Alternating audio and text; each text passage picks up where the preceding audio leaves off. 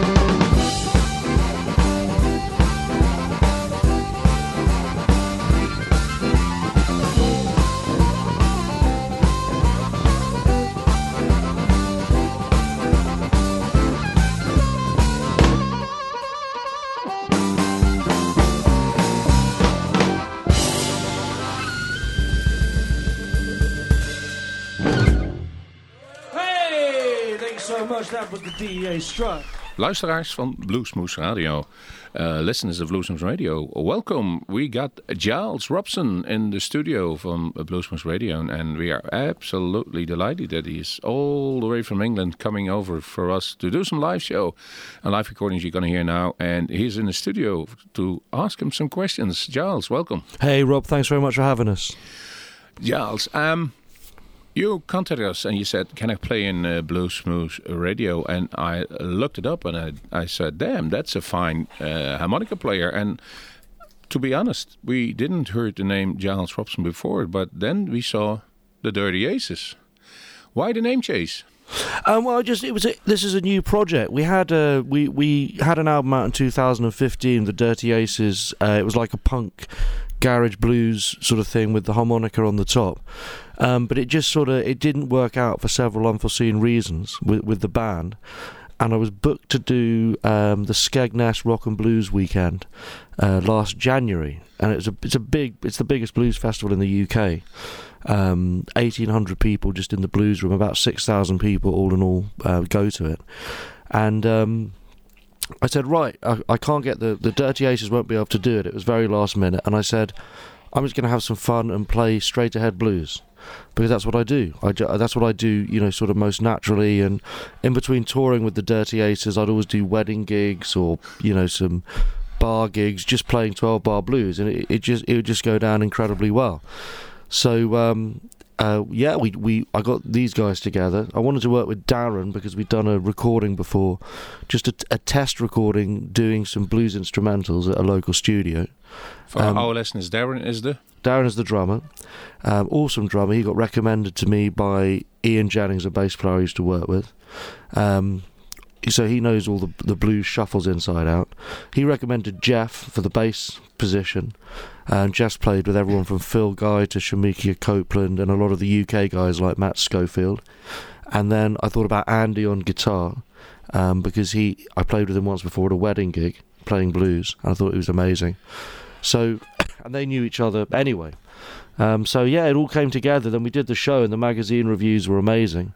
Um, and then we did an album two weeks later, just in an afternoon. We just um, we wanted to record twelve bar blues shuffles mainly, um, with you know with the little Walter sound on top. I've always wanted to do it, and it just it, it got great reviews. V two uh, in in Amsterdam picked it up and have released it. And yeah, we're just starting to, to build up over the next couple of years, I, I guess, and just trying to to gig more and more and, and get get over to Europe a lot time, more. ladies and gentlemen. We're gonna go down to the border now. Mr. Andy Knight. And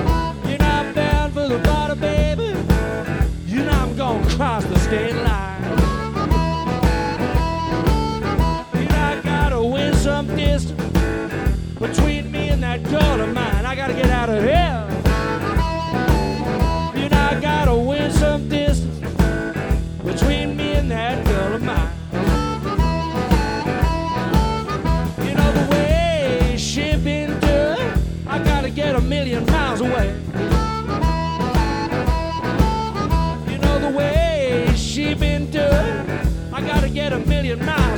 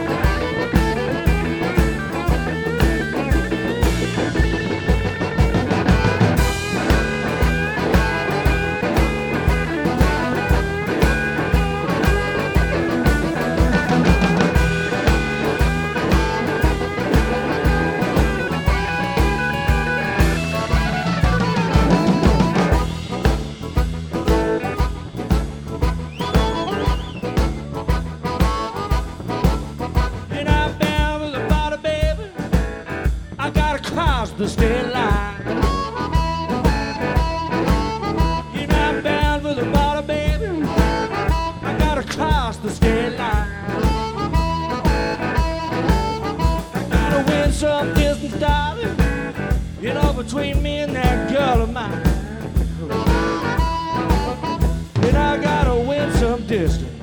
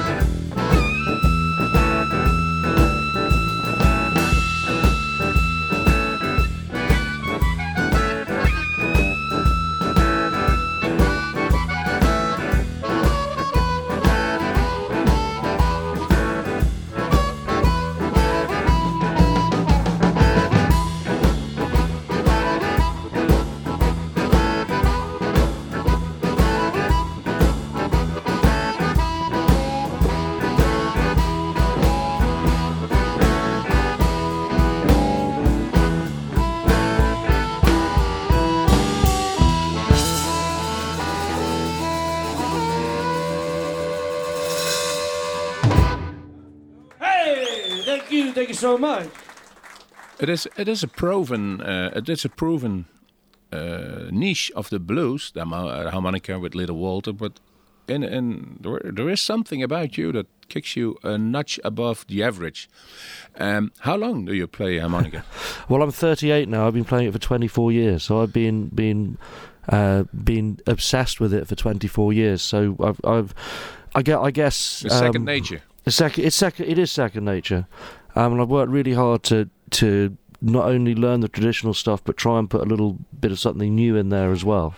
So I do a lot of upper register stuff, um, which I think I think it gives it definitely gives the harmonica an extra.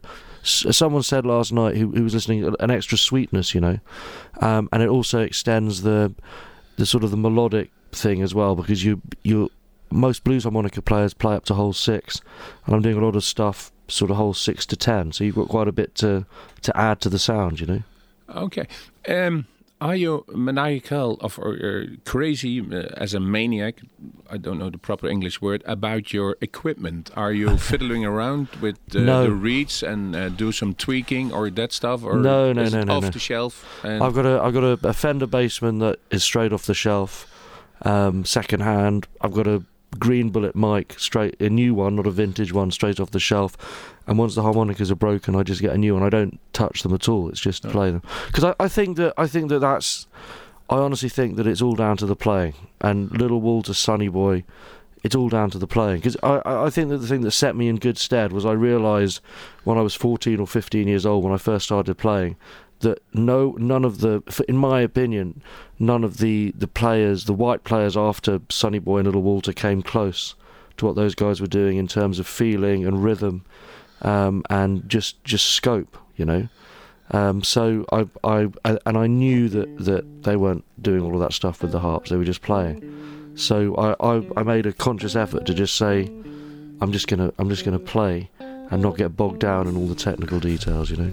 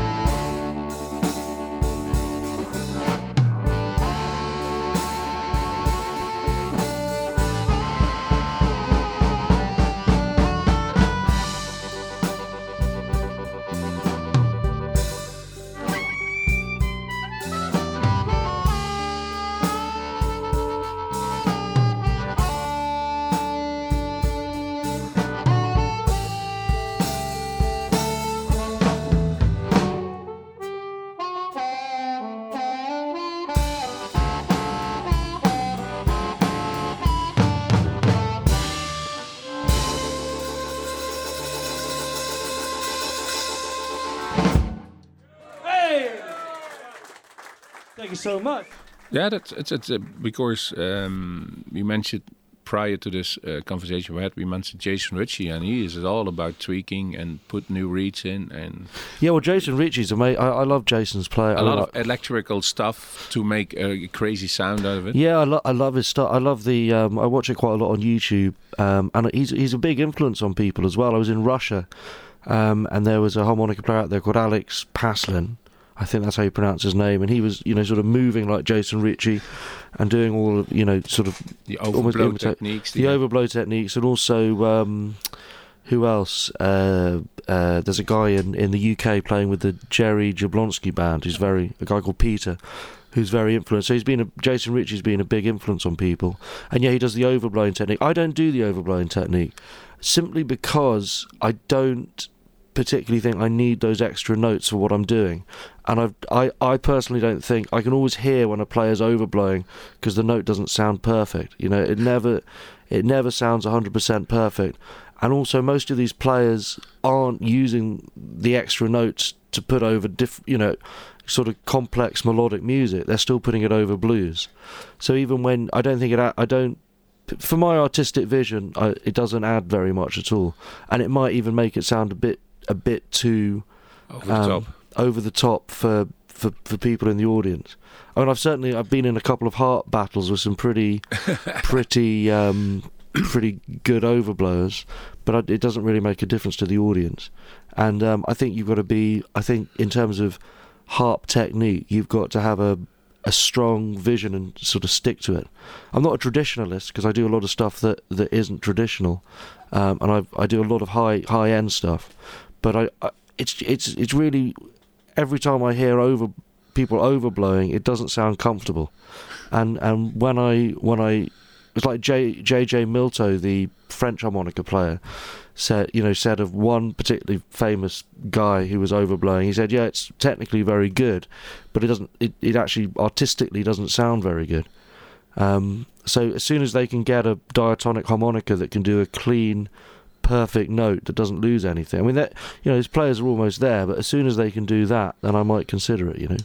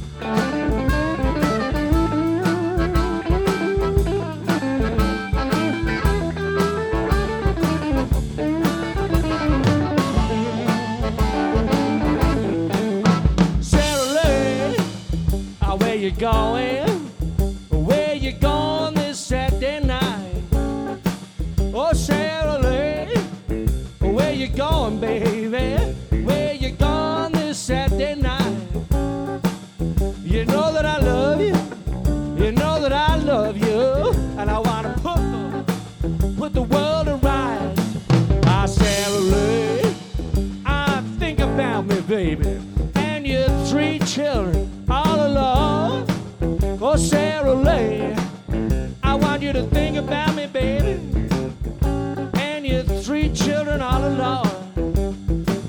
You know you're gonna break up your happy family, baby. You're gonna break up your happy home. Look at that. Oh!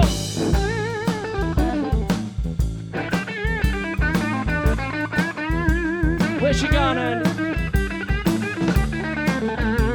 Has she gone round to your, she's gone round to your house. I know by the way you play.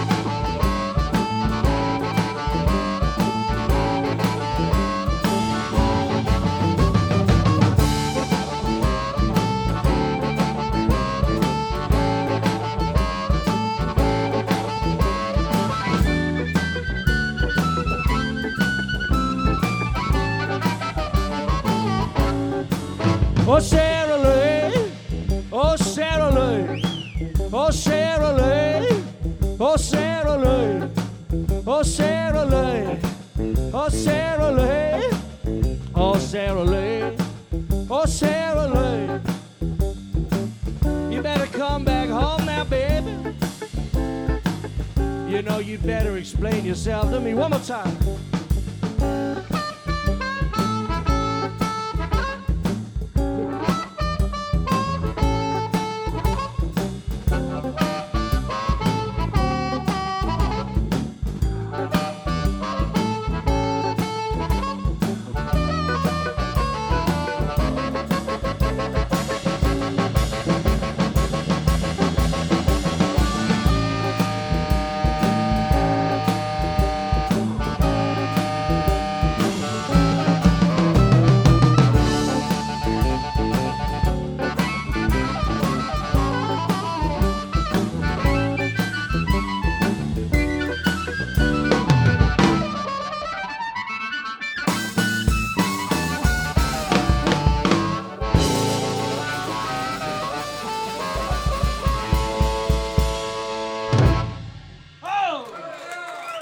So much. Can I put in an order for a beer, sir?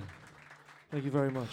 Okay. It's good to hear because we are not blues Nazis ourselves. We like the old stuff and we like the new people who are uh, doing their stuff based on the old stuff. Yeah. And if I'm heard, listen to you correctly, that's the same what you want to do. And and then add a little to it. Well, the thing the, the, I- I've done two. I, I've done. I, I've done two albums previous to this album, from the basement, which we tried to do something contemporary, and um, Crooked Heart, which was sort of a bit retro and contemporary at the same. It was always trying to to do something a little bit different to stand out. And what I found is is that, you know, if if a record is not going to get mainstream radio play, then you have to go with what the audience wants and what is strong in your heart. And I'm very, I've got a very strong feeling towards blues. Um, I'm not a traditionalist. I listen to lots of different sorts of music, but my strongest angle is is is sort of pure blues. You know, it's where I get my. That's what gets me up in the morning. It's what you know makes a nine-hour van journey to a gig worthwhile. Getting out and playing sort of pure blues. I'm not a purist. It's just what I like the best.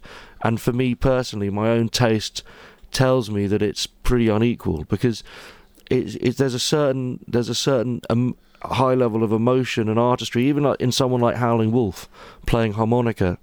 I mean, it's it's it's you know I can listen to Howling Wolf as much as Little Walter. He's not as technically, but he's got something there. So that's what I'm trying to do, really. Um, and that's you know, and and the other thing the other thing is is that you w- with my band, you see, a lot of this wouldn't come across so well as you know if I didn't have such a good band who are very rhythmically aware. Um, the uh, the rhythm section, you know, is very rhythmically aware, so it, it knows how to make Jeff and Darren know and, and, and Andy on guitar know how the how blues grooves work, and of course blues is very unmelodic, but it's very rhythmical. So so a lot a lot of potential fans of blues, I think, have been turned off because the the rhythm sections don't quite understand it, and it just becomes very boring. But when you get that, you know, when you get a sh- you know sh- a, a Chicago shuffle played properly, in front of a pa- and passionately in front of a live audience, you you know they go berserk, and you can keep it going. We we did a show in Eindhoven at the uh, Wilhelmina. Wilhelmina. We we did our first set was an hour, second set was an hour forty five. You know, some of these songs are lasting fifteen minutes because people just get into it. You vary the dynamics, the solos. You know, you're telling a story. You're sort of reading the audience and playing to the audience. It's that the possibilities are endless. So I, I think that's you know that's why I like it. And and and you know we might try and do you know try and add little bits and pieces here, but it won't in the future. But I don't know how far it's going to go from what we've got already. You know.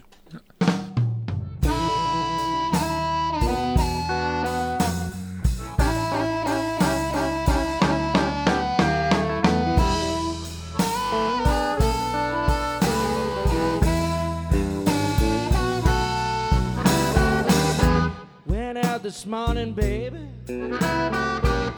You were dressed up like a queen. To visit your mother, darling, you know. Your mother, you just ain't sane.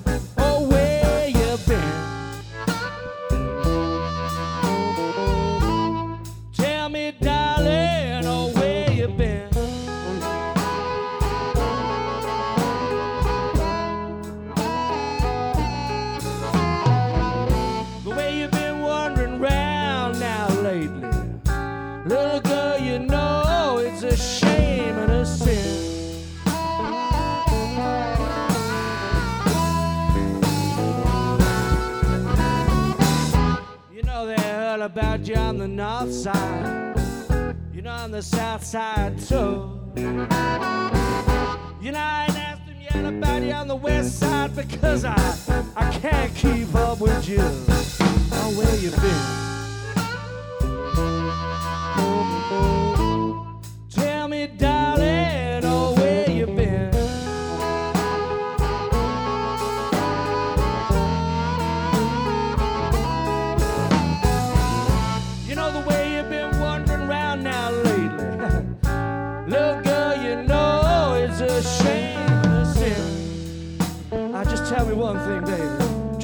where you been.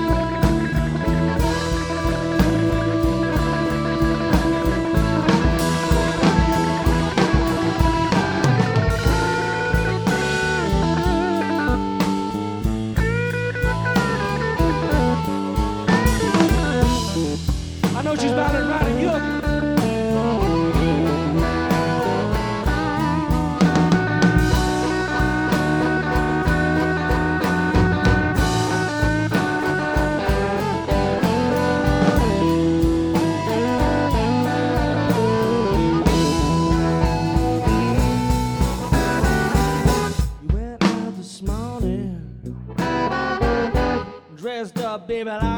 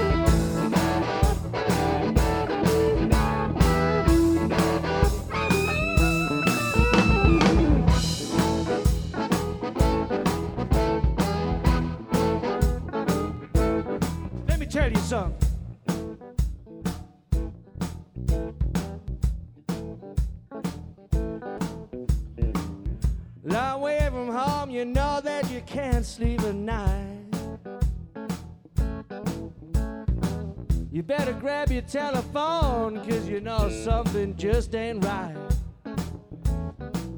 You know that's evil. Evil is going on.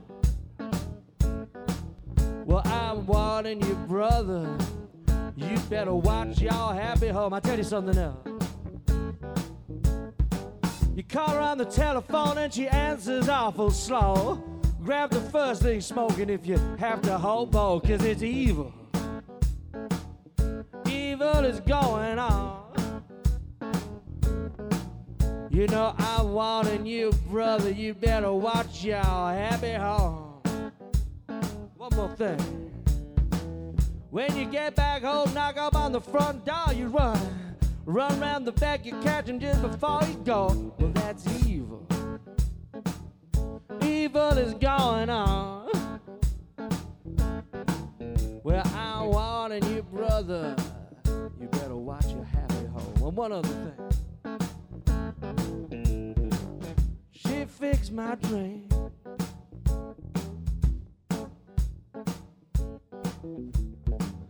She fixed it with a can of red devil's eye. You know, people, you know that she fixed my drink.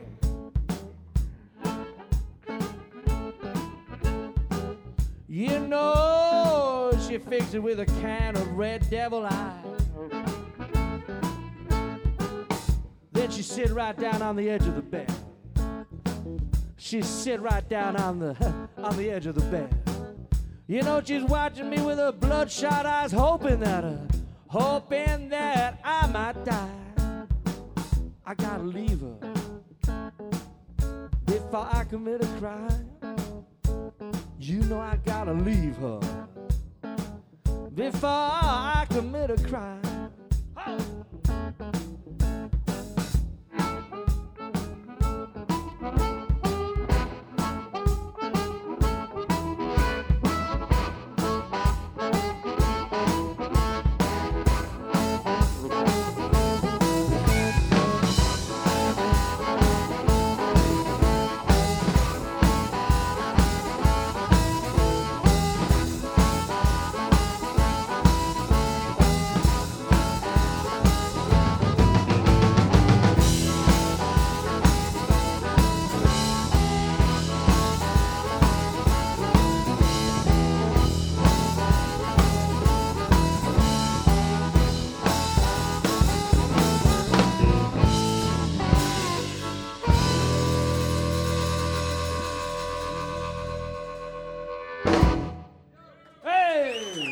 Thank you, so much.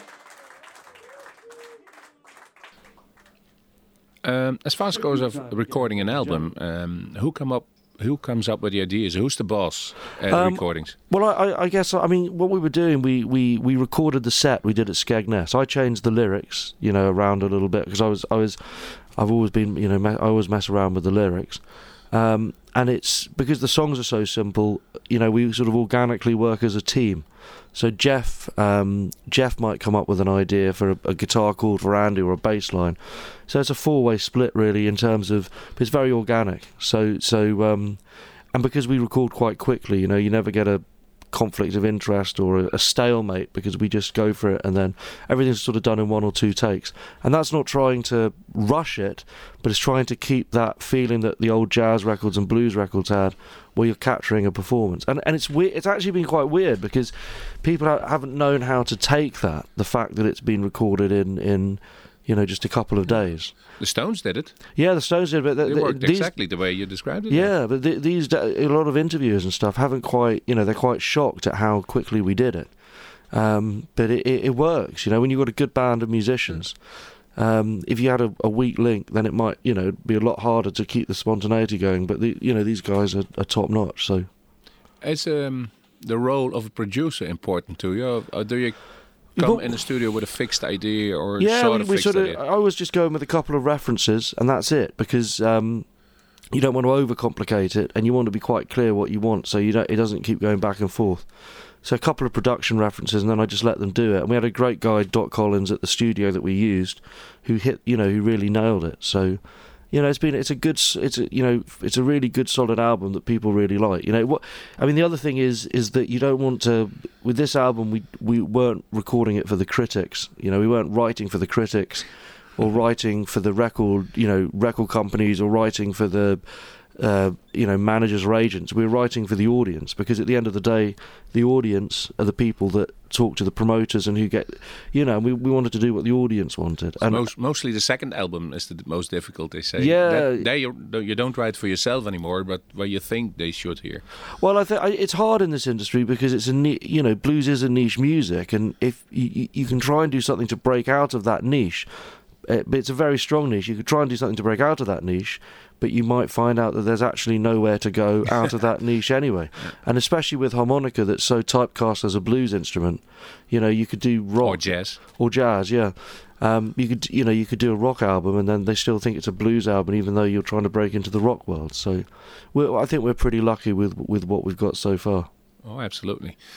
We're going to get out of here with Shady Heart. Thank you so much, ladies and gentlemen. Thank you so much.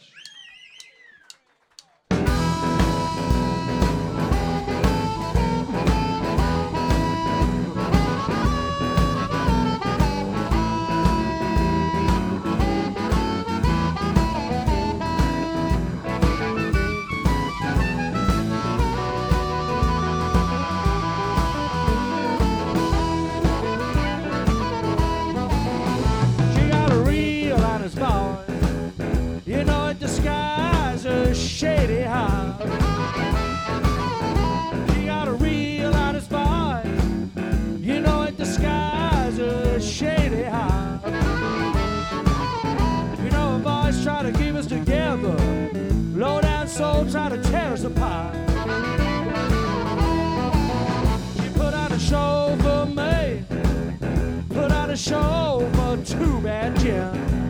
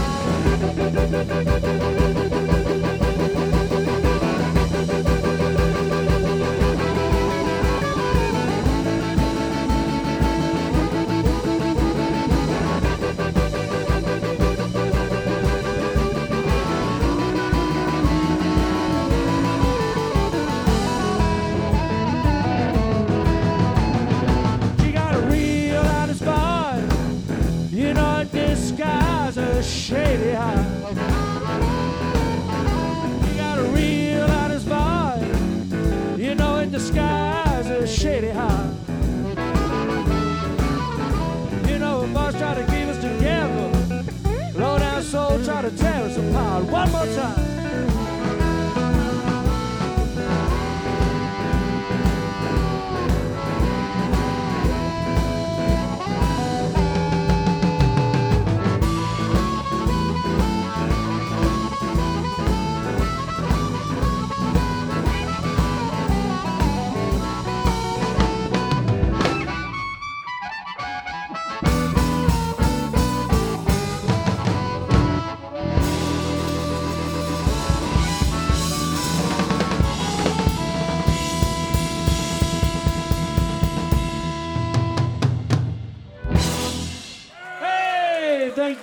Night. Thank you so much. Thank you.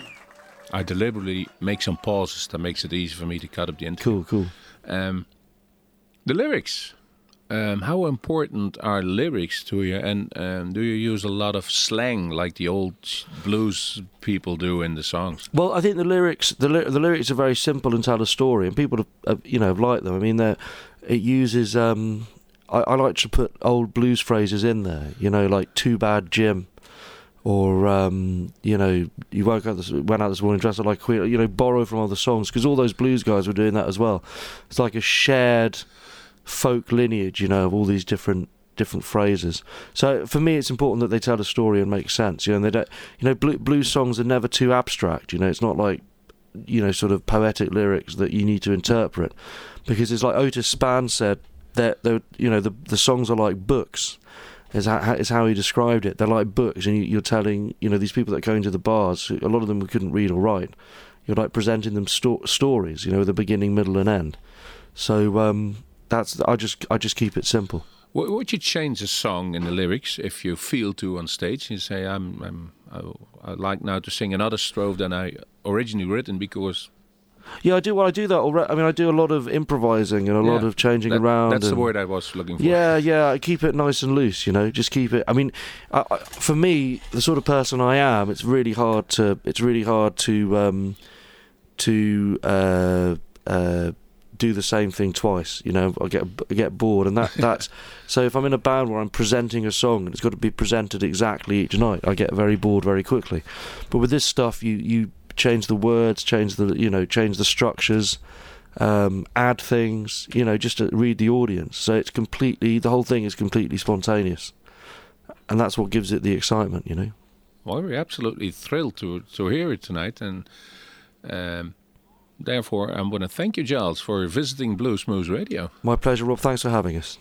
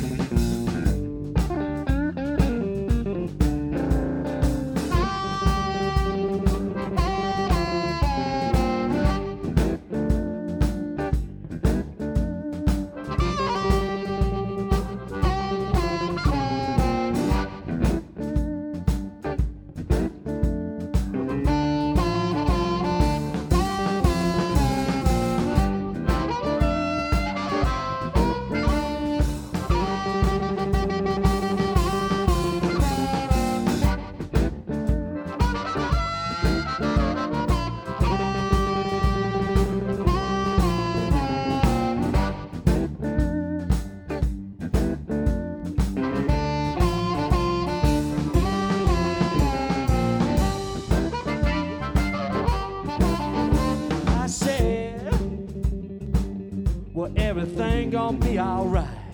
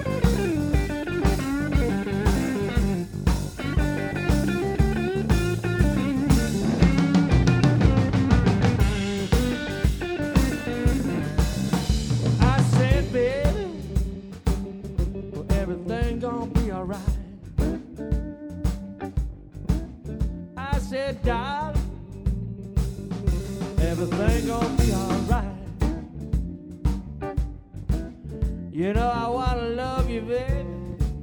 Well, every day and every night. Oh, let's get out of here.